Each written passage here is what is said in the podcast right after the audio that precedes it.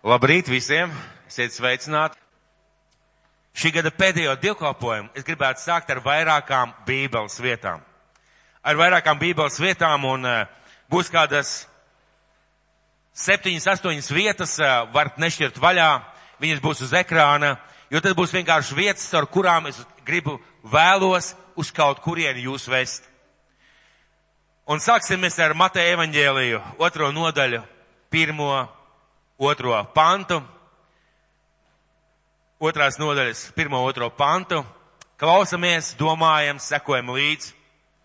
Kad Jēzus bija piedzimis Betlēmē, Jūdu zemē, ķēniņa Herodu laikā, redzi, gudri vīri no austrumiem zemes atnāca uz Jeruzālem un sacīja, kur ir jaunpiedzimušais Jūdu ķēniņš, jo mēs viņa zvaigzni redzējām austrumu zemē un atnācām viņu pielūgt.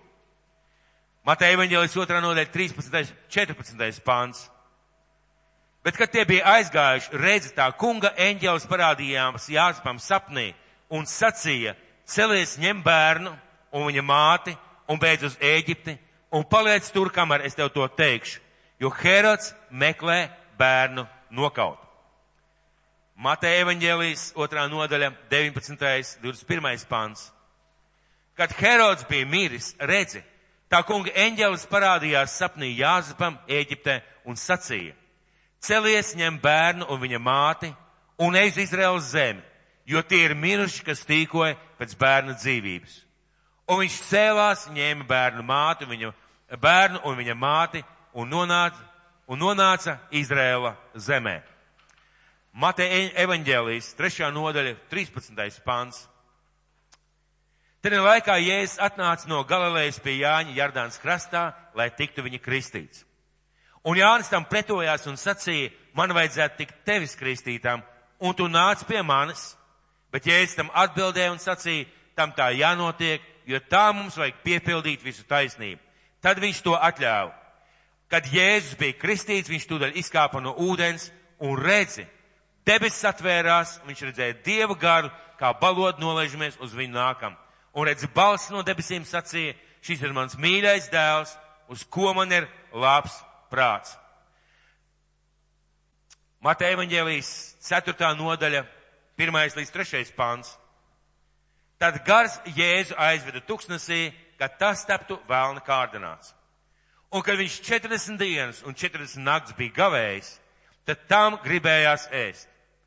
Un kārdinātājs piestājās pie viņa un sacīja, ja tu esi Dieva dēls, tad saki, lai šie akmeņi top par maizi. Un 4. nodaļas 12. 14. pāns. Bet Jēzus dzirdēdams, ka Jānis nodots, atgriezās Galilejā. Viņš atstāja Nācereti un aizgāja dzīvot Kapernaumā, Jūrmālas pilsētā, Zebulāna un Naftaļa robežās. Kā piepildītos praviešu iesais vārds, kas saka, Zebulona zeme un Naftaļa zeme Jūrmalā, Aizjardānu, Pagānu Galilē. Ļaudis, kas sēdēja tumsībā, redz lielu gaišumu, un tiem, kas sēdēja nāves zemē un ēnā gaisma uzlēkus. Un 18. No, 18. pāns. Un staigādams galējas jūrmalā, Jēzus ieraudzīja divu brāļus, Sīmanu saukt Pēteru un Andrēju viņu brāli, tīklu jūrā izmetam, jo tie bija zvejnieki. Un viņš uz tiem saka, nāciet man līdzi, es jūs darīšu par cilvēku zvejniekiem. Un tie tūdaļ atstāja savus tīklus un viņam sekoja. Un kādam noteikti ir jautājums, kāpēc šīs vietas? Ko mācītājs šīm vietām gribēja pateikt? Viņas it kā ir tik dažādas. Man ir jautājums, ko Dievs man un tev gribēja šodien šīm vietām pateikt. Man ir jautājums, ko Dievs un kāpēc viņš lieto šīs vietas šajā dienā, ko viņš ar tām grib pateikt. Ko man un tev caur šīm vietām ir jāierauga, jāsadzird un jāsatver. Vai pamanījāt, visās šajās liet, vietās, ko mēs lasījām, ir kaut kas kopējs? Vai pamanījāt, ka ir kaut kas kopējs? Runājam, runājam par Jēzu, ja? runājam par Dievu, taisnību, bet šoreiz tas nebūs tas. Ir kaut kas cits. Svētā gara vadība varētu teikt tā, jā, bet nav īsti tas. jā, protams, jā, bet ir vēl kaut kas. Visās šajās vietās, visās šajās vietās parādās viena lieta. Laiks. Laiks, kad notiek kaut kas tāds, kas tiek konkrēti izdarīts. Un šis konkrētais darbs konkrētā laikā kaut ko maina. Gan Jēzus dzīvē, gan viņa mācekļu dzīvē. Mēs lasījām pēdējā, un rakstīts, ka viņi atstāja uzreiz tīklus un viņam sekoja. Un eh, šo gadu vairs nevar pagriezt atpakaļ. Kā mums noteikti gribētos kādas lietas pagriezt atpakaļ un izdarīt savādāk, vai nedarīt, vai varbūt pagūt vēl kaut ko izdarīt. Kas izdarīts, tas ir izdarīts. Uh, kaut kas nav pagūts, kaut kas ir palaists garām, un ir varbūt lietas, ko šovakar var pagūt. Varbūt ir lietas, ko šovakar var pagūt, bet tas, ko šodien vēl var saprast, tas, ko šodien šajā dievkalpojumā var saprast, cik svarīgs ir laiks, cik svarīgs ir laiks, cik nozīmīgs un cik aktuāls ir laiks mūsu dzīvē. Cik tas ir svarīgi un aktuāli. Un īstais laiks īstajām lietām. Skatieties, Skatieties, varbūt vēlreiz no tām vietām es pat nelasīšu. Gudrie atnāk, lai pielūgtu īstajā laikā. Viņi redzēja zvaigzni, vēsturnieks saka, divi gadi ceļā, viņi atnāk pielūdz Jēzu tajā vietā un tajā laikā, kad viņš ir jāpielūdz. Mēs redzam, ka šis te Jāseps redz naktī sapni, kurš saka celies un, un rakstīts, naktī viņš cēlās un devās.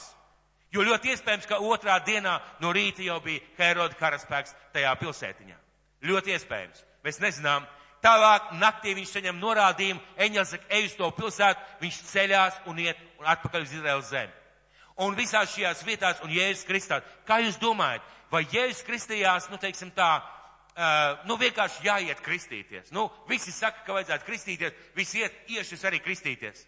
Es saprotu, ka tas bija īstais laiks, īstajā veidā un īstajā mirklī, kad viņš gāja kristīties. Un tajā mirklī atskan balss.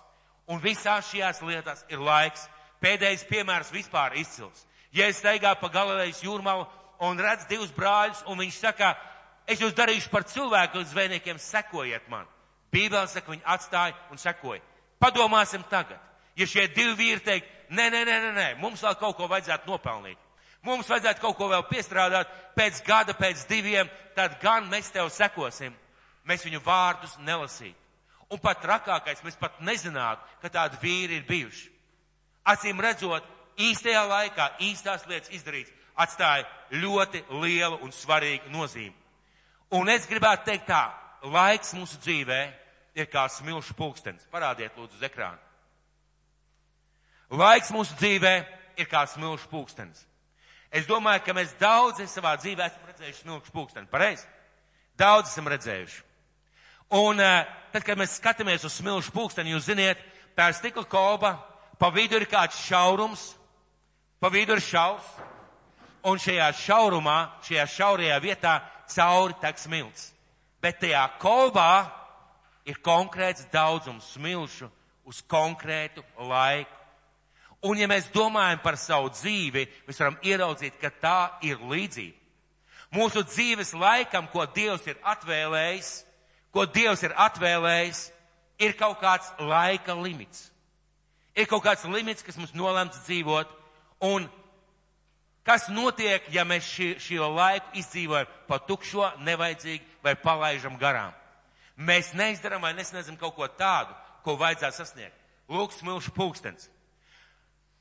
Uh, un vārds, ar kuru es šodien gribu dalīties, katrai lietai ir savs nolikts laiks.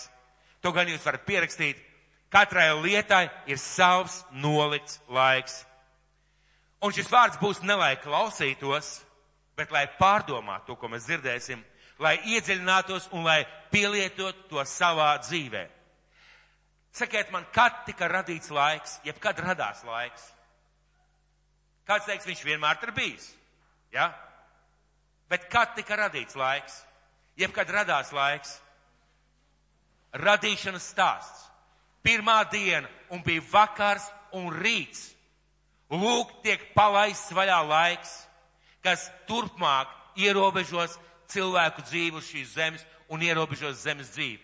Pirmajā dienā, jo Dievs dzīvo ārpus laika un ārpus telpas. Viņam laiks nav, neeksistē priekš Dieva laiks. Laiks ir priekš mums. Un šajā pirmajā mūzes grāmatā Dievs rada laiku, kurā mums dzīvot. Un katra cilvēka dzīvē ir šāds smilšu pulkstenis. Katra cilvēka dzīvē ir tāds smilšu pulkstenis. Mēs viņu neredzam. Mēs reizēm par viņu neiedomājamies, bet šis pulkstenis ir.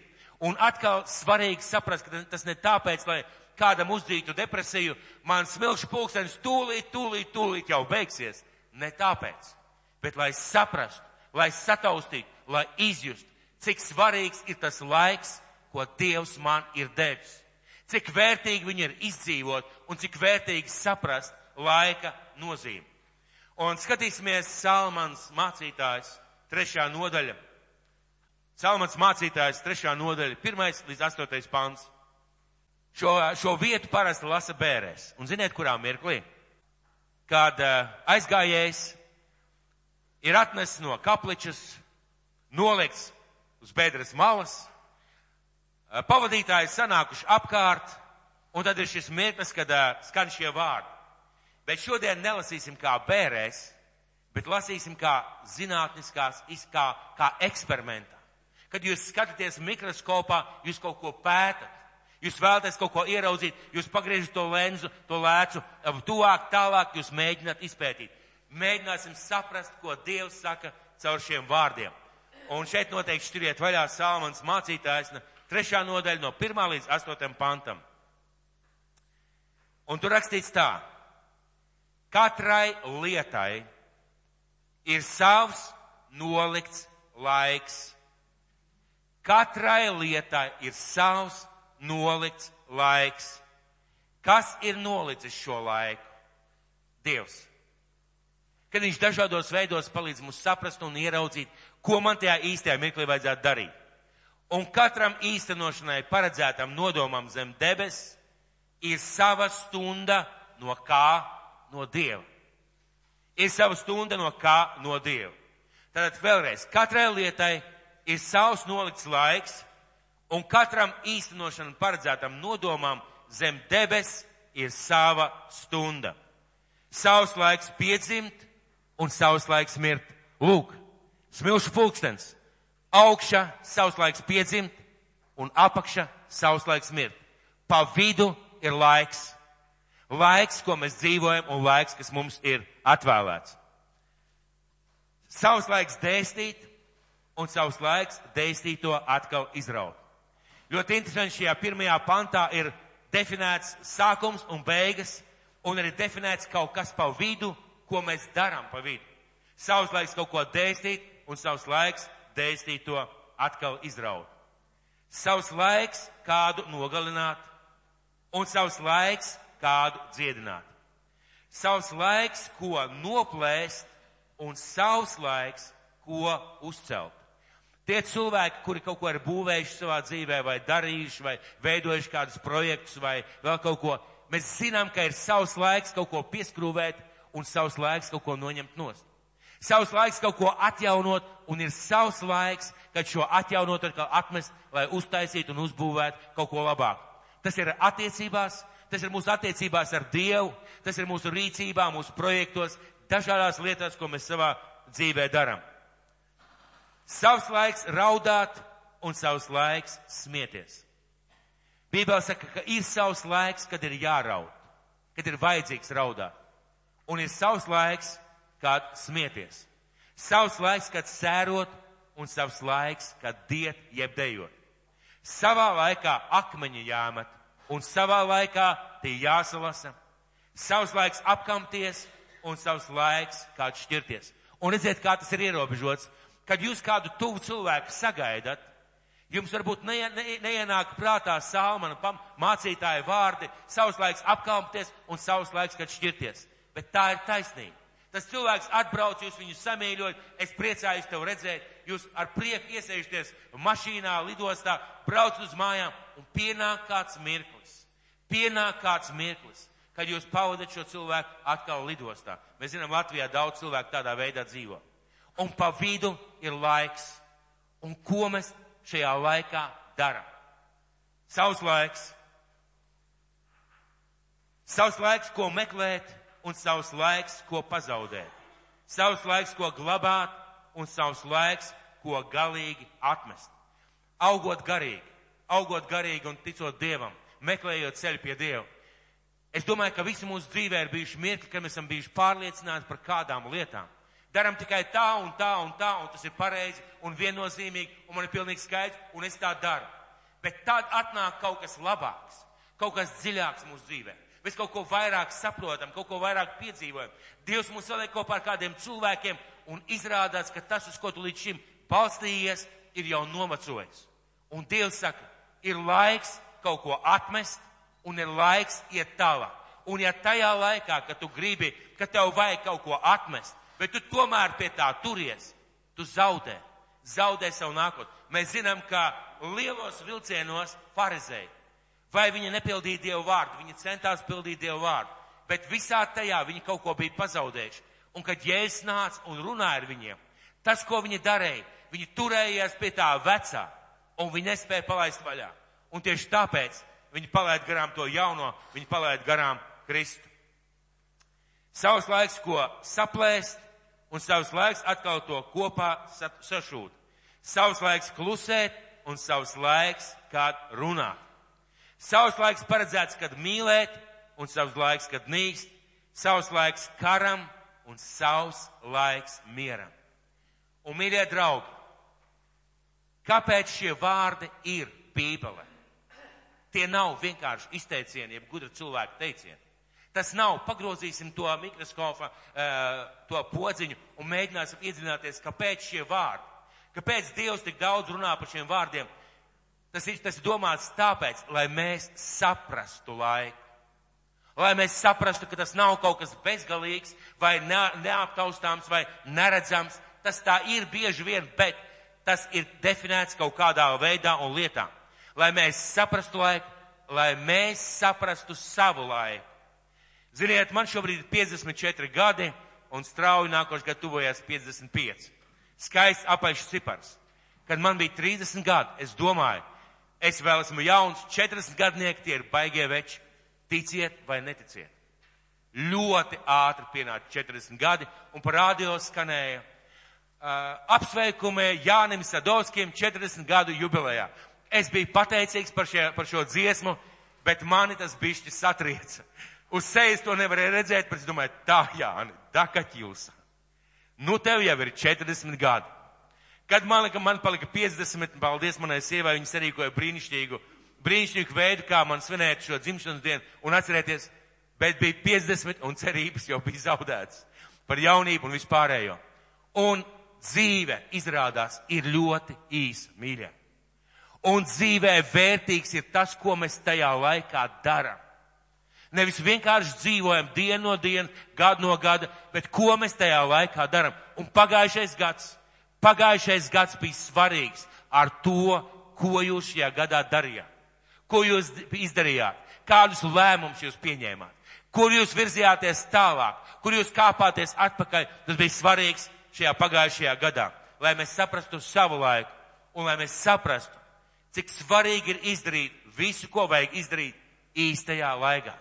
Lai mēs saprastu, ka visu, ko vajag izdarīt, mēs varētu izdarīt īstajā laikā, jo laiks aiziet. Laiks iztek, un es gribu parādīt jums kādu gleznu. Es gribu parādīt jums kādu gleznu, kas, kad es viņu pirmoreiz ieraudzīju, mani satrieca, bet pēc tam kārtīgi uzrunāja. Es viņu nosaucu vētra smilšu pulkstenī. Diezgan tādas tumšas un raibas krāsas, jūs redziet, tur ir zibens, tur ir vētra, tur ir kuģīts, un tas viss smilšu pulkstenī. Vai kāds kādreiz ir juties, kā savā laikā un savā vētrā? Tas ir ierobežots laikā. Un šis smilšu pulkstens ir laiks, un mūsu dzīvē ir vētras. Mūsu dzīvē ir izaicinājumi, un svarīgi ir, Ko mēs šajā pulkstenī dzīvodami, ja tā varētu teikt, jeb Dievu noliktajā laikā, ko mēs viņā daram? Vai mēs cīnāmies un stāvam visam pretīm, vai mēs grimstam? Svarīgs ir tas, ko mēs tajā mirklī, tajā laikā un tajā veidā daram. Es nolikšu šeit, lai visus mūs iedvesmo domāt par to. Kāpēc mums ir varīgs, svarīgi saprast, ka visam ir savs laiks? Lai vienkārši būtu veiksmīgi. Ne tikai. Ne tikai, lai vienkārši būtu veiksmīgi. Lai daudz un labi un pareizi izdarītu arī, bet ne tikai. Pirmām kārtām, lai saprastu, ka pat labas lietas, bet ne savā laikā, vairs nav labas. Pat labas lietas, vērtīgas lietas, bet ne savā laikā vairs nav labas. Mums ir jāsaprot, kurām laikam, kura, kurai lietai, kurš laiks ir vērtīgs, kurš laiks ir aktuāls un svarīgs. Sakiet, vai ir labi lūgt Dievu? Lasīt Bībeli un lūgt Dievu. Vai ir labi? Ja to darīsi eksāmenā, kāds būs rezultāts? Tev par špikošanu vienkārši izmetīs ārā. Pareizi, jo tu kaut ko lasi. Tam nebūs labs rezultāts. Lieliska lieta - attiecības ar Dievu. Bet lūkšanai par eksāmenu un lasīšanai laiks ir pirms tam. Un tas ir īstais laiks, pareizi. Un tāpēc mums jāsaprot, ka daudzām labām lietām, ko mēs darām vai plānojam darīt, mums ir jāsaprot, kurš ir īstais laiks lai trāpītu mērķi. Un labā ziņa ir tā, ka Dievs mums paver šīs iespējas. Pirmkārt, viņš saka par laiku un māca, ka laiks ir svarīgs. Otkārt, viņš paver šīs iespējas. Ir daudz lietas mūsu dzīvē, kas notiek, vienkārši notiek, mēs kaut kādā veidā rieģējam. Bet mēs nesen bijām pie ciemos pie kāda cilvēka, kurš, uh, kur mēs redzēsim 3. februārī mūsu, mūsu draudzē, vīriešu konferencē pie Artūra Irbes, un ziniet, ko viņš teica? savas sporta gaitās. Viņš ir redzējis. Viņš ir redzējis, ka cilvēks saka, ja man būtu iespēja, ja es varētu, ja man, būtu, ja man uzaicinātu tā komanda, ja es varētu to izdarīt, tad gan es darītu, tad gan es kļūtu, tad gan es veidot, tad gan es sportot. Un viņš teica, un es redzēju, kā cilvēkiem tika dota iespēja, un viņi palaida garām, jo viņi nebija gatavi šai iespējai. Viņi neuzdrošinājās tajā mirklī kaut ko darīt, pieņemt lēmumus. Un tas nozīmē, ka Dievs dod mūsu dzīvē bieži dod lietas, situācijas un it kā pavar šo aizskaru. Un palīdz mums ieraudzīt, tas ir īstais laiks un īstais mirklis. Un mēs bieži palaižam garām. Šajā gadā, gada, pašā gada sākumā, ja pareizi sakot, varbūt pat pagājušā gada beigās jau, jau varbūt pat pagājušā gada beigās, bija kāds mirklis, es laboju kādu jumtu.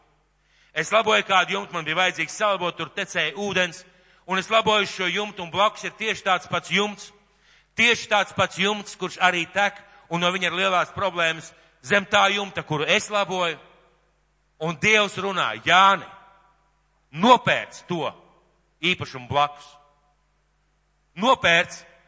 Pirmo, pirmajā mirklī man likās pilnīgs vaiprāts. Priekš kam? Kam tas ir vajadzīgs? Kāpēc tas ir vajadzīgs? Un tad es sāku domāt, kāpēc man tāda doma?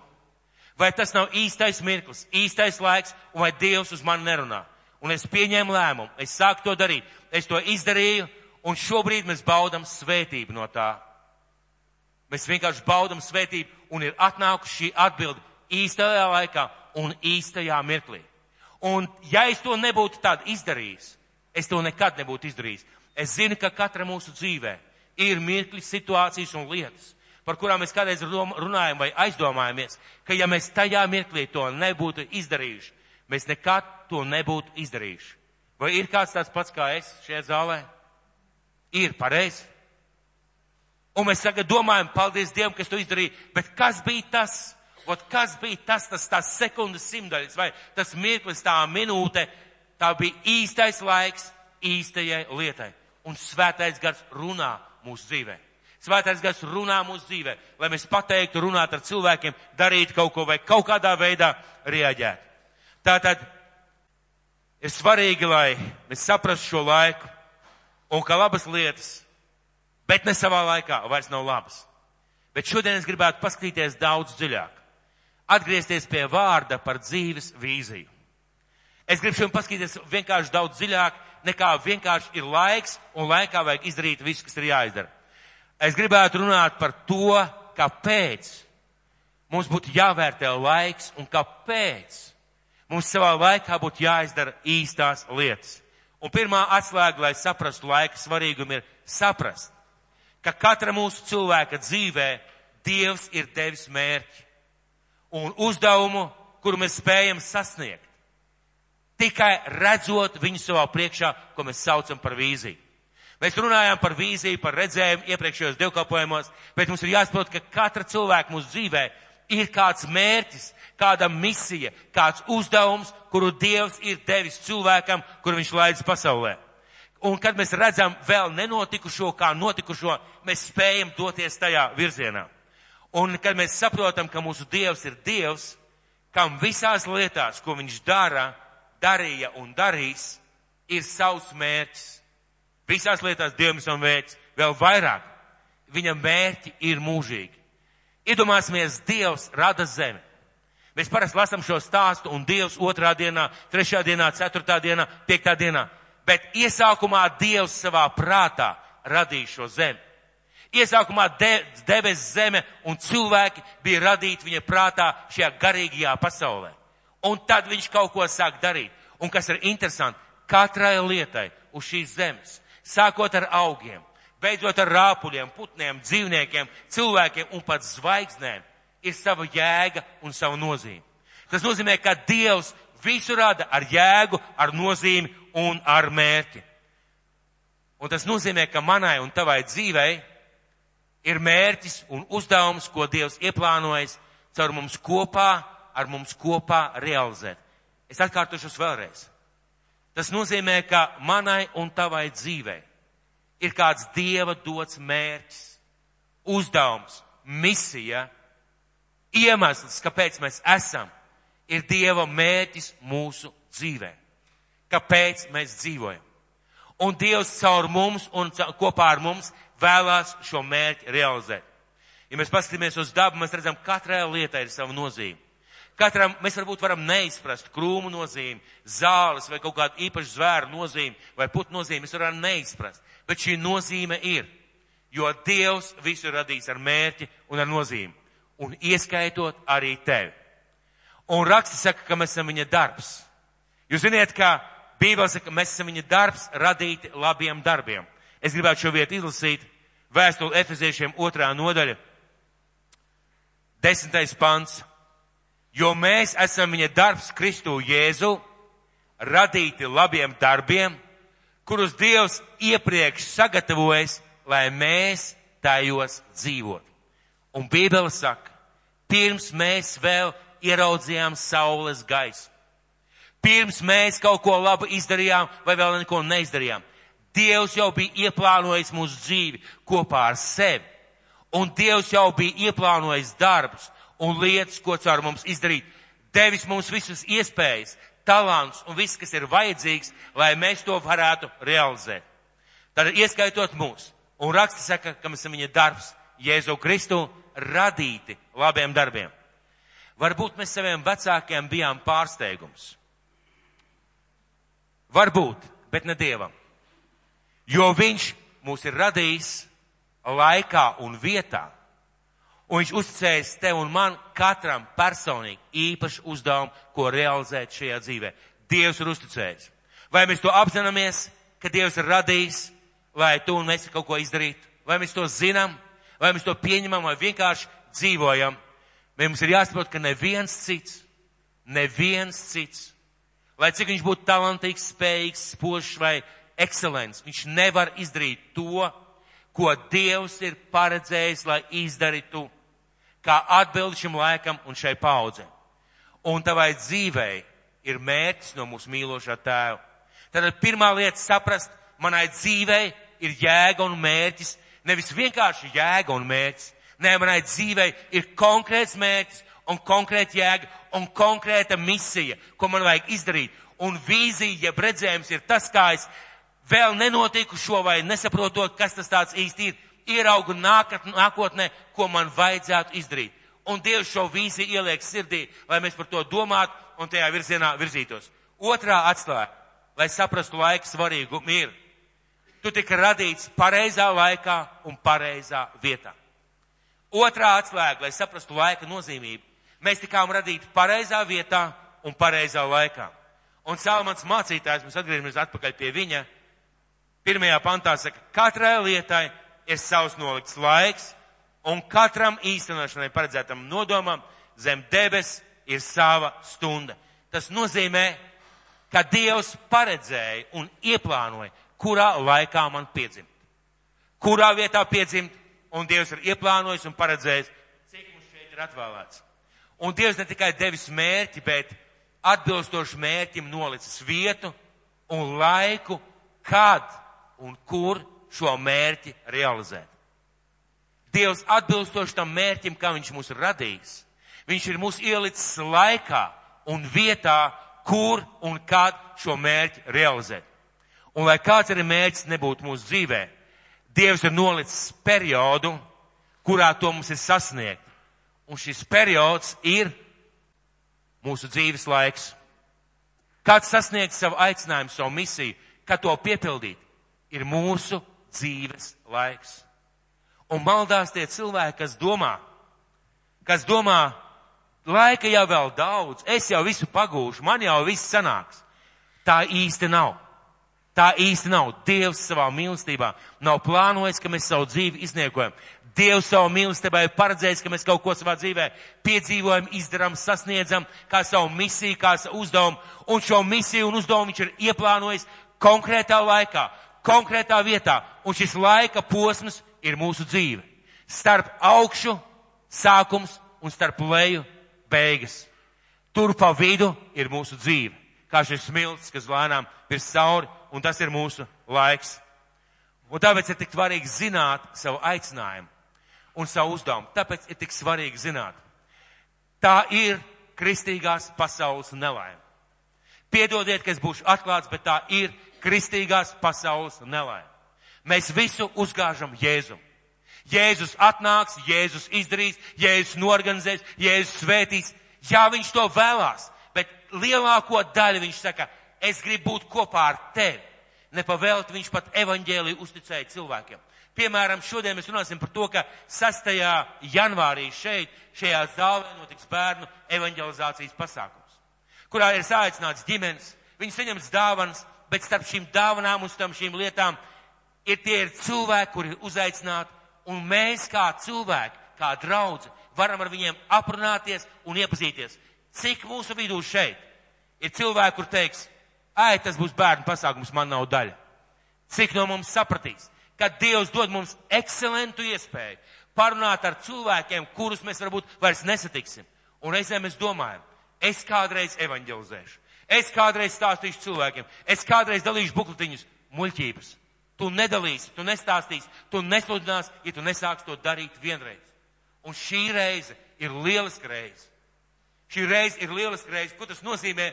Tas nozīmē, ka mums ir jāsaprot tas laiks, kuru Dievs mums ir iedevis.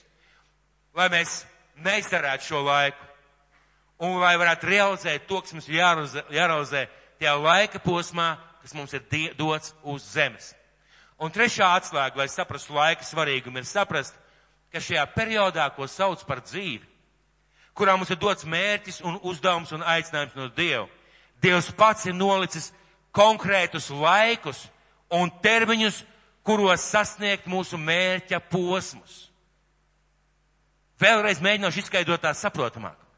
Ja tas viss ir mans dzīves laiks, viss šis pulkstenis ir mans dzīves laiks, un šajā laikā notiek viss kaut kas vētras, pērkoņi, zibeņi, tad ziniet, kas ir svarīgi. Šis mans laiks, pat ja mana dzīve ir simts gadi, ir sadalīts simts posmos. Un katrā šajā posmā Dievs kaut ko ir ieplānojis un paredzējis, ka es kaut ko daru, sasniedzu vai saprotu. Sakiet man lūdzu, kāpēc Dievam bija jātērē 30 gadi, lai sagatavotu Jēzu kalpošanai?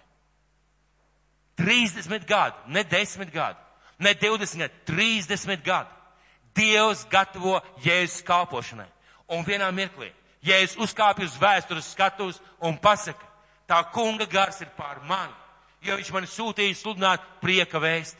Ko tas nozīmē? Tas nozīmē, ka Dievs manā dzīvē katrā gadā, katrā dzīves posmā, pat zināmā mērā varētu teikt, pat katrā dienā ir ieplānojis lietas, kuras man darot, es virzos uz priekšu. Vai taisni otrādi, nekur es nevirzos. Sakiet man lūdzu, vai ir svarīgi cilvēkam Iet skolā. Cik svarīgi ir iet skolā? Ļoti pareizi. Un kas šajā laikā notiek?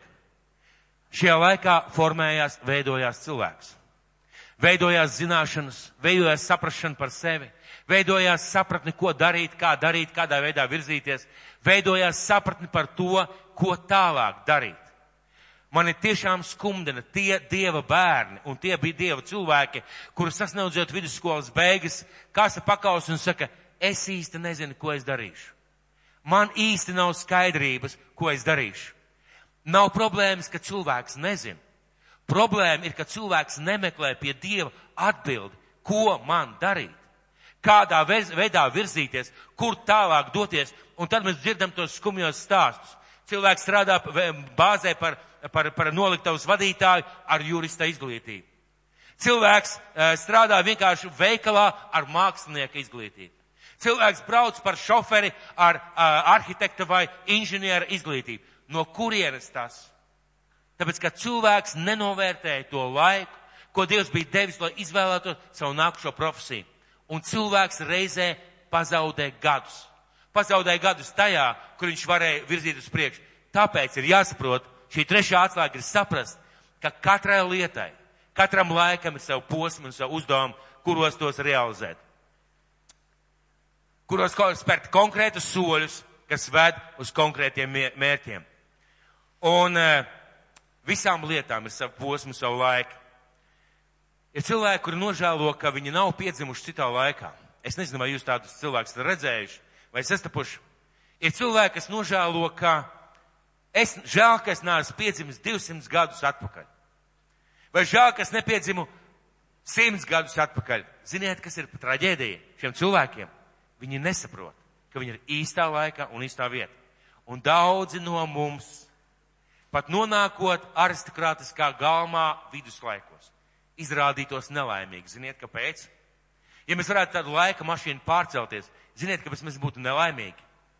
Jo tas mērķis, tas uzdevums, tas, tās tā nasta, tas aicinājums, kas mūsu dzīvē ir dots šim laikam, tajā laikā nebūtu derējis. Un mēs nenodzīvot vienkārši laimīgu dzīvi, mēs nejustos savā traukā un savā vietā. Tāpēc paldies Dievam, ka nav izdomāta laika mašīna. Un paldies Dievam, ka mēs nevaram nekur, nekur aizbraukt. Ja mēs nonāktu tur, mēs būtu nelaimīgi. Un mūsos visos, mīļie draugi, ir šī mērķa sajūta. Bībele un Dievs runā par kādu nastu, kas cilvēkiem ir uzticēta par kādu nastu, kas cilvēkiem ir uzticēta. Ja es teicu, ņemiet uz sevi manu jūgu. Un šis jūgs, jeb šī nasta ir kaut kas tāds, kas cilvēkā ir ielikts iekšā kā misijas, jeb sūtības sajūta. Mēs bieži vien šo sajūtu nobāžam dziļi zem grīdas, kaut kādā veidā mēs viņu nonicinām vai atstājam kaut kur aiz muguras, bet tie cilvēki, kuri asina šo instrumentu, kuri tīra no šos sārņus, kuri meklē iemeslu un jautā Dievam, Dievs, kas ir tas, kāpēc es dzīvoju? Jā, man ir laba ģimene, jā, man ir darbs, jā, man ir finanses, viss manā dzīvē ir kārtībā, bet kas ir tas, kāpēc es dzīvoju?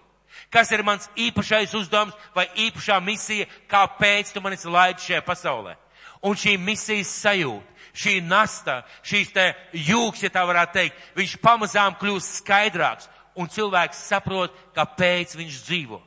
Kāpēc viņš dzīvo, un viņš saprot iemeslu, kāpēc Dievs viņu radījis, ko Dievs aicina viņu darīt, un viņš sāk saprast laika svarīgumu. Un cilvēks sāk saprast laika svarīgumu. Un pat ja mēs nejūtam, šī nasta ir dota katram cilvēkam. Katram. Ja Dievs visu radīja ar konkrētu mērķi, ar konkrētu uzdevumu, Tas nozīmē, ka ik viens no mums, ik viens, kas sēž šajā zālē, mēs zinām savu aicinājumu vai mēs nezinām. Mums ir jāsaprot un jāpieņem. Manai dzīvei ir aicinājums no Dieva. Un konkrēts, specifisks, unikāls aicinājums no Dieva. Un šo aicinājumu, šo uzdevumu var sasniegt tikai savā dzīves laikā. Nebūs tā, ka pēc, kā mūžībā es sāku sasniegt savus mērķus. Tur būs citas lietas, ko mēs darīsim. Tas ir dots šeit, šim laikam, šajā smilšu pulkstenī. Un laiks, kurā mums tas ir jāizdara, ir mūsu dzīve. Bet dzīvē ir laiki, kad kaut ko darīt un kad kaut ko nedarīt. Un tāpēc Dievs šajā salmanas pamācībā saka, ka katrai lietai savs nolikts laiks un katram īstenošanai paredzētām nodomām zem debes ir sava stunda. Un Dievs māca, katrs solis, katrai lietai, ko mēs darām, ir savs noteikts laiks. Vai var nokavēt Dieva laiku? Kā jūs domājat? Vai var nokavēt Dieva doto laiku? Jums nekad nav gadījies nokavēt autobusu? Ir gadījies? Visiem pareizi. Vai nekad nav gadījies nokavēt Dievu kalpojumu? Visiem ir gadījies pareizi. Vai var nokavēt Dieva laiku? Var. Vai atcerieties par desmit jaunavām? Vai atcerieties par desmit jaunavām? Un šajā, šajās pantos iesaka bija desmit jaunavas, piecas gudras un piecas muļķis. Un tās piecas bija piepildījušas savu trauku, šo gaismetli ar eļu, un tajā mirklī, kad nāca līgavainis, atvēra durvis, viņas iegāja iekšā, jo viņas bija spērušas konkrētus soļus, konkrētā laikā sagatavojušās, un ir konkrētais laiks, durvis ir vaļā, līgavainis aicina, viņas iet iekšā. Tās pārējās piecas aizgāja iepirkties. Un kamēr viņas iepirkās, durvis tika aizvērtas. Un Jēzus tālāk saka, ja jūs tikai pēc tam klauvēsiet pie durvīm, tikai pēc tam klauvēsiet pie durvīm, jūs netiekat vairs iekšā. Es kādreiz domāju par nosu. Es kādreiz domāju par nosu, un par nosu mēs varam dažādi spriest. Bet padomājiet paši. Dievs vēlās izglābt šo pasauli un nozas būvē savu šķirstu. Vēsturnieki un teologi saka simts gadus. Simts gadus viņš būvēja šķirstu visu acu priekšā, milzīgu kuģi. Lietus tajā laikā nelīst, visi groza pirkstu pie deniņiem, saka, nos, tu esi no, no, no, nojūdzies. Bet nos saka, būs lietus. Un ja jūs atceraties, ja jūs uzmanīgi lasat šo tekstu, jūs varat ieraudzīt. Viņa tik ilgi smējās par nosu, kamēr sāka līt lietus. Bet pirms lietus dzīvnieki un nosa ģimene, ģimene iegāja šķirstā. Un tad kaut kas notika. Rakstīts, Dievs aiztaisīja durvis. Ja jūs neciet, palasiet, rakstīts, Dievs aiztaisīja durvis. Un kad sāka līt lietas un sākās plūdi, nos pat būtu gribējis varbūt kādu ielaist, bet viņš nevarēja, jo Dievs bija aiztaisījis durvis. Vai tas nozīmē, ka es varu nokavēt savu laiku? Es varu nokavēt savu Dievu doto laiku. Es to varu izdarīt ja es neesmu uzmanīgs, ja es laikam nepievēršu uzmanību, ja es vienkārši kā daudz saka, es Dieva žēlstībā plūstu pa straumu. Mums ir vajadzīga Dieva žēlstība. Bet Dieva žēlstība atver mums durvis īstajā laikā, īstajā veidā, izdarīt īstās lietas. Ir lietas, ko mēs nevaram paši izdarīt vai sasniegt, un tur ir Dieva pārdebiskā žēlstība. Vienkārši notiek kaut kas tāds, ko tu neesi gaidījis. Bet mēs varam nokavēt Dievu doto laiku. Vai šeit ir kāds? Kurš ir nokavējis savu augstskolu. Neceliet lūdzu roku. Ir cilvēki, pareizi, kuri ir nokavējuši savu augstskolu. To, ko viņam vajadzēja mācīties. Ir cilvēki, kuri nokavējuši un palaiduši garām daudz laika savā dzīvē, kur viņi varēja veltīt cilvēkiem un dievam. Ir cilvēki, kuri ir nokavējuši savu laiku priekš bērniem. Ir cilvēki, kuri nokavējuši savu laiku priekš tuviem cilvēkiem laiks ir nokavēts. Un Dievs bieži nepārmet, bet viņš saka, mācieties saprast laiku. Mācieties izprast to laiku, kas jums ir dots, lai jūs nepalaistu garām, saprotot, ka katrai lietai virs zemes ir savs konkrēts laiks. Un šajā laikā izdarītā šī konkrētā lieta, viņa ir par svētību, par celšanu. Un pat ja tu dari labas lietas, bet ne savā laikā, tas neatnesīs veiksmu un izdošanos tavā dzīvē. Daži piemēri no Dieva vārda, no Bībeles. Es teikšu tā no Dieva patiesības, no dzīve, Dieva uh, dzīves mācības par dzīvi. No Dieva mācības par dzīvi. Vai es atceraties vārdu Simjāns? Atceraties vārdu Simjāns? Ziemassvētkos bieži par viņu runā. Un Lūks evaņģēlijā minēts kāds piemērs, kad astotajā dienā, kad Jēzu ienes apgraizīt šajā templē, tur ierodās arī kāds vīrs vārdā Simeāns. Un rakstīts, ka viņš no Dieva pirms tam bija saņēmis apsolījumu, ka viņš nāvi neredzēšot, pirms neredzēs Dievu svaidīto. Un rakstīts, svētā gara skubināts. Viņš nāca templī, paņēma Jēzu uz rokām un pravietoja par Kristu. Viņa pravietojums bija svarīgs Marijai, viņa pravietojums ir svarīgs šodien mums. Īstajā laikā, īstajā mirklī. Bet kas bija tas, kas izveidoja šo te viņa spēju dzirdēt un nonākt īstajā vietā, īstajā laikā? Viņa dzīvesveids. Jo raksts, viņš bija divbīgs un uh, viņš bija divbīgs un uh, taisns. Viņš spēra konkrētus soļus savā dzīvē. Viņš darīja konkrētas lietas savā dzīvē, un Dievs viņu redzēja par taisnu un par dievbīgu, un īstajā mirklī lielais aicinājums. Kāpēc lielais aicinājums? Jūs par viņu nelasat pirms tam. Jā, viņam bija sava dzīve, viņam bija savas lietas, ko viņš darīja. Tas palika viņa konkrētajā laikā, viņa konkrētajā lieta, laikā un telpā, kur viņš dzīvoja, viņa konkrētajā pulkstenī. Bet kaut kas no šī pulksteņa izgāja ārā. Viņa ieiešana šajā templī, jēzus paņemšana uz rokām un pravietojumu, kurus mēs lasām šodien, un mēs saprotam, tas ir Dieva pravietojums. Simeāns izcili piepildīja savu laiku. Mateja evaņģēlijā vai atcerieties sievieti vārdā Marija, kura svaidīja Jēzu ar ļoti dārgu eļļu. Vai atcerieties? Atcerieties, jā? Ja? Viņa sēž pie ies, sasit šo dārgo trauciņu, alabastra trauciņu sasit, izlaiž šo eļu uz jēzus un mācekļi tur kurnu un saka, kāpēc tāda izšķērdība šo naudu varēja, šo eļu varēja pārdot par 300 denāriem. Bet tagad paklausieties, ko jēzus saka. Paklausieties, lieciet viņu mierā. Viņa mani svaidījusi kapam. Ja jūs patītu bildi uz priekšu, sievietes atnāk pie šī kapa uh, pirmajā nedēļas dienā, kad Jēzus bija, kad Jēzus jau ir uzcēlējis augšā, lai svaidītu viņu bērēm, bet kaps ir tukšs par vēlu. Kapā Jēzus vairs nav. Jēzu vairs nevar svaidīt. Bija jāsvaida pirms tam, un šī sieviete svaida viņu kapam. Ko svaidīja? Kāpēc bija svarīgi svaidīt? Bībele saka, ka tika svaidīti pravieši, ķēniņi un uh, pravieši, eh, ķēniņi un priesteri. Un, un svaidīti viņi tika pirms savas kalpošanas. Un šī sieviete Marija vārdā Viņa sasit šo trauciņu, izlai eļu uz Jēzus un svaida viņu kalpošanai mūžībā. Nākošā dienā vai pēc pāris dienām ir jau par vēlu. Par vēlu. Tajā laikā, tajā mirklī un tajā vietā. Jo sākot no ģecemenes dāras, tur neko vairs nevarēja svaidīt. Viņš jau bija arestēts. Ko tas man nozīmē? Tas nozīmē, ka šī sieviete sajūtusi aicinājumu, vēlēšanos, pamudinājumu, izdarīt to, ko Dievs viņai teica, un viņa tikai trāpīja mērķī. Tas, ko viņa izdarīja savā dzīvē, izgāja ārpus viņas laika pulksteņa.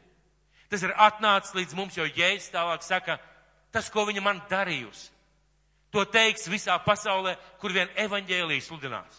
Tad, lūk, ir lietas mūsu dzīvē, ko mēs izdarām savā laikā, savā laika pulkstenī, savā dzīvē, kuru mēs dzīvojam. Bet ir lietas, kuras iziet ārpus mūsu laika, kuras iziet ārpus mūsu laika, un tās mēs pilnīgi noteikti nedrīkstam nokavēt. Vai atcerieties Pēteri? Ar ko mums Pēters tāds ļoti īpašs? Kā jūs domājat? Vai atcerieties Pēteri? Ar ko Pēters ļoti īpašs? Dedzīgs cilvēks, pareizi? Dedzīgs cilvēks. Viņš ir vienīgais cilvēks, kas gāja pa ūdeni. Kas ir gājis pa ūdeni. Vienīgais cilvēks. Un jūs atceraties to stāstu? Viņa rīcībā iespējams ir pāris minūtes. Viņi sēž laivā, jēzus nāk vētras laikā pie viņiem pa ūdens virsmu. Visi šausmās brēc, tas ir spoks, ārprāts, kas notiek. Jēzus nomierinieties, tas esmu es. Un tad ir mirklis, kuru Pēters izmanto. Saka, kungs, ja tas esi tu, liec man nākt pa ūdens virsmu. Vienīgais no visiem. Vai pārējiem bija iespēja pajautāt? Es domāju, ka bija. Un iedomājieties, visi mācekļi, rokās sadavušies, izkāp no laivas un iet pie Kristus. Mēs to nelasam, ziniet, kāpēc? Jo pārējie, ja tā varētu teikt, palaida garām. Viņiem bija bailes. Pēteris izmantoja šo mirkli. Un, kad mēs skatāmies tālāk Bībelē, mēs redzam, ka vairs neatkārtojas tāda veida mirkli. Kad Pēters būtu varējis iet pa ūdens virsmu, viņš gaida, viņš atrod šo mirkli, viņš satver šo mirkli, viņš dodas. Kāpēc šī vieta rakstīta? Esmu domājis, kāpēc viņam tas bija svarīgi. Viņš ir vienīgais cilvēks, kas gājis no mācekļiem pūdens virsmu. Ziniet, kāpēc mums tas ir svarīgi? Ziniet, kāpēc mums tas ir svarīgi? Jūs kādreiz esat dzirdējuši līdzīgu aicinājumu? Nāc, un tur ārpus laivas tavā dzīvē ir vētra un ir ūdens. Jums kādreiz ir gadījies pieņemt neprātīgu lēmumu? Ir gadījies? Droši vien, ka ir, vai ne? Un kāds bija labs rezultāts pēc tam? Un šī vieta rakstīta mums, lai mēs ieraudzītu lai mēs ieraudzītu, ka īstajā laikā izdarīta īstā lieta, pat kā izaicinājums, kā izkāpšana no laivas, viņa atnes svētību. Un šodien mēs, kad jūs sajūtat no Dieva aicinājumu darīt kaut ko neparastu, neierastu, kaut ko pārsteidzošu vai varbūt tādu ne, netradicionālu, mēs saprotam, ka mēs varam to darīt, jo Kristus mums parāda šo piemēru caur Pēteri. Daudz dažādu piemēru. Un vēlreiz gribētu vērsties pie Salmana mācītāja, trešās nodaļas, pirmā, pirmā panta. Katrai lietai ir savs nolikts laiks. Tavā dzīvē. Katrai lietai ir savs nolikts laiks jūsu dzīvēs un manā dzīvē. Tie nav vienkārši vārdi Bībelē. Un katram īstenošanai paredzētam nodomam zem debes ir sava stunda. Tavā dzīvē. Mūsu dzīvē. Un katrā stundā, un katrā laikā, un katrā laika posmā ir savi uzdevumi. Kad jūs esat mazs, jūs uzdevums ir klausīt vecākiem, cienīt vecākus. Kad jūs esat skolnieks, tas uzdevums, ko Dievs ieliek jūsu rokās, ir mācīties. Kad esat students, iegūt īsto profesiju, izvēlēties īsto profesiju. Kad uh, mēs sākam strādāt, ir lietas, kas ir mums jāizvēlās un jādara. Kad mēs sākam domāt par ģimeni vai kad mēs dibinam ģimeni, ir mūsu izvēle darīt kādas lietas. Mēs pagājušajā sestdienā bijām liecinieki kādām kāzām. Un es arī šajās kāzās teicu, mani ļoti iepriecināja tas, ko jaunais pāris, jeb līgavains man teica, Kad es sapratu, ka šī meitene man patīk, es sāku lūgt Dievu. Vai tā ir priekš manis? Un pēc kāda laika saņēmis atbildi, es zvanīju, sāku veidot attiecības. Cik muļķīgi būtu izveidot attiecības, apprecēties un pēc tam sākt lūgt Dievu. Jeb žēlot grēkus. Cik muļķīgi būtu pareizi? Tāpēc katrai lietai, konkrēti mūsu dzīvē, ir savs laiks un savu vietu. Un eh, šajā pēdējā dievkalpojumā ir vērts, un šajā dienā ir vērts padomāt un paskatīties pakaļ, ko Dievs ir izdarījis šajā pagājušajā gadā. Un eh, kopā ar Jēzu paņemt pilspalvu un papīru un uzrakstīts, ko Dievs liek tavā sirdī par nākošo gadu. Un ļoti, ir dažas ļoti konkrētas lietas, ko vajadzētu darīt. Un mēs bieži vien jau arī zinām. Bet cik labi ir to uzlikt uz papīra, lai ieraudzītu, lai saskatītu, ko man vajadzētu darīt nākošajā gadā. Un gribu jūs iedrošināt, tas ir ļoti bībeliski un pareizi, jo Dievs māca plānot, un Dievs māca skatīties uz nākošajām lietām. Un Dievs jau daudziem no mums ir sirdī ielicis kādu sajūtu, kādu plānu, kādu domu par nākošo gadu. Un lai Dievs jums tiešām tajā lietā jums palīdz. Es jums padalīšos beigās.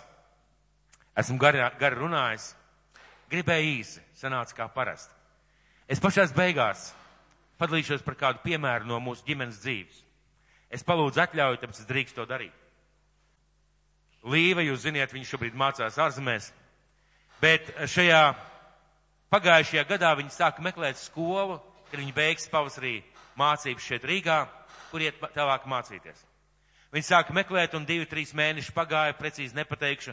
meklējot dažādas skolas, kas saistīts ar dizainu, dažādās valstīs, tie ceļi pamazām, pamazām atved līdz vienai skolai.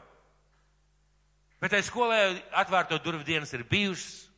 Uh, skolā iestāties ar kādiem zināmiem noteikumiem ir konkurss, vajadzīgs portfolio un par visu pārējais. Un nedēļu, un, ka, un vienā mirklī Līva pēkšņi man saka, varbūt es precīzi nenosaukšu tos visus secību. Līva saka, tēt ir izsludināta jauna atvērto durvju diena. Un ir pilnīgi skaidrs, ka tu nevari iestāties augstskolā, nezinot, ko no tevis gaida, ja ir konkurss. Ir atvērto durvju diena, konkrēta diena, konkrēts datums, un lai aizlidotu uz turieni vajadzīgi 400 vai 500 eiro, un jāizlēm ir nevis pēc nedēļas, bet tagad. Tagad ir jāizlēm, vai mēs braucam, vai mēs skatāmies, vai mēs neskatāmies. Un mēs pieņēmām lēmumu, mēs braucam. Nebija finanses, mēs atradām finanses, mēs iestājāmies lidmašīnā, atradām lidmašīnu, ar kuru aizbraukt un aizbraucām. Mēs zināmā mērā pat skrējām, jo pūkstens 11. Eh, sākās atvērto durvju dienu un reģistrācija, kur pieregistrē pa šīm te darbnīcām un pa tikšanās laikiem ar šiem pasniedzējiem. Mēs astoņos ielidojām, skrējām no autobusu uz autobusu, no autobusu uz autobusu. Bez piecām vienpadsmitos mēs iedrāzāmies iekšā gara rinda, mēs izstāvējām, līva aizgāja, un tas, ko viņa dzirdēja, jums ir talants, bet tas nav īsti tas, ko mēs gaidām. Bet jūsu rīcībā vēl ir mēnesis un īsa saruna, ja tā varētu teikt, stundas, pusotras garumā, ko no tevis gaida. Mēs atlidojam atpakaļ, un ir viena izvēle. Mēneša laikā izdarīt to, ko cilvēki dara gadu, mēneša laikā izdarīt to, ko cilvēki dara gadu, sagatavot 12 dažādus projektus ar, ar šiem te, ar tiem, ar, ar, ar maketiem, vai nolaist rokas un pateikt, nu nav iespējams. Pa mēnesi to nevar izdarīt. Plus vēl ir noslēguma eksāmeni un plus vēl ir kalpošana draudzē. Un malacis meitene, viņa pieņem lēmumu, es to darīšu. Kā vecākais brālis teica, viņa strādāja kā zvērs. Strādāja kā zvērs. Brāļi palūdzē, palīdzēja, fotografēja, aizsūtīja fotogrāfijas, tika iesniegts šis portfolio. Cerība patiesībā viens no simts. Un ziniet, kas notika? Notika tas, par ko gāja lūkšana, par ko gāja cīņa. Viņi trāpīja šajā skolā, viņi izturēja šo konkursu un šobrīd viņi tur mācās. Kāpēc? Kāpēc? Īstais solis īstajā laikā. Un ja mēs to nebūtu darījuši, mīļie, ja nebūtu šie soļi spērti, šī braukšana, šī runāšana, šī izmisīgā cīņa, šī darbošanās mēneša garumā, šie iesniegtie dokumenti un viss pārējais, tur bija daudz lielāka jēzga. Šodien varētu teikt, es gribēju, bet man neizdevās. Es sapņoju, bet man nesanāca.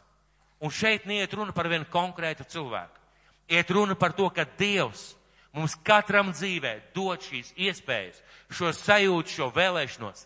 Un tad ir jāspēr šie soļi. Mēs nevaram vilcināties. Runājot par pagājušo gadu, tas ir bijis fantastisks gads. Priekš mūsu nama, priekš mūsu ģimenes. Vienkārši izcils. Un es redzēju, kā Dievs mūs ir vadījis un svētījis. Un es ticu, ka šeit ir daudz tādu cilvēku. Vienkārši šodien zem mikroskopa paskatīsimies, kāpēc tas tā noticis. Jo īstie lēmumi, īstie soļi, īstā rīcība īstajā laikā. Un nobeigt es gribētu ar novēlējumu. Un novēlējums man būs tāds, lai nākamgad, 18. gadā, ir Dieva dota dedzība. Lai ir Dieva dota dedzība. Lai ir Jēzus drosme un svētā gara spēks un gudrība īstajā laikā un veidā, veidā izdarīt to, kas ir jāizdara. Īstajā laikā un īstajā veidā ir var izdarīt to, kas ir jāizdara.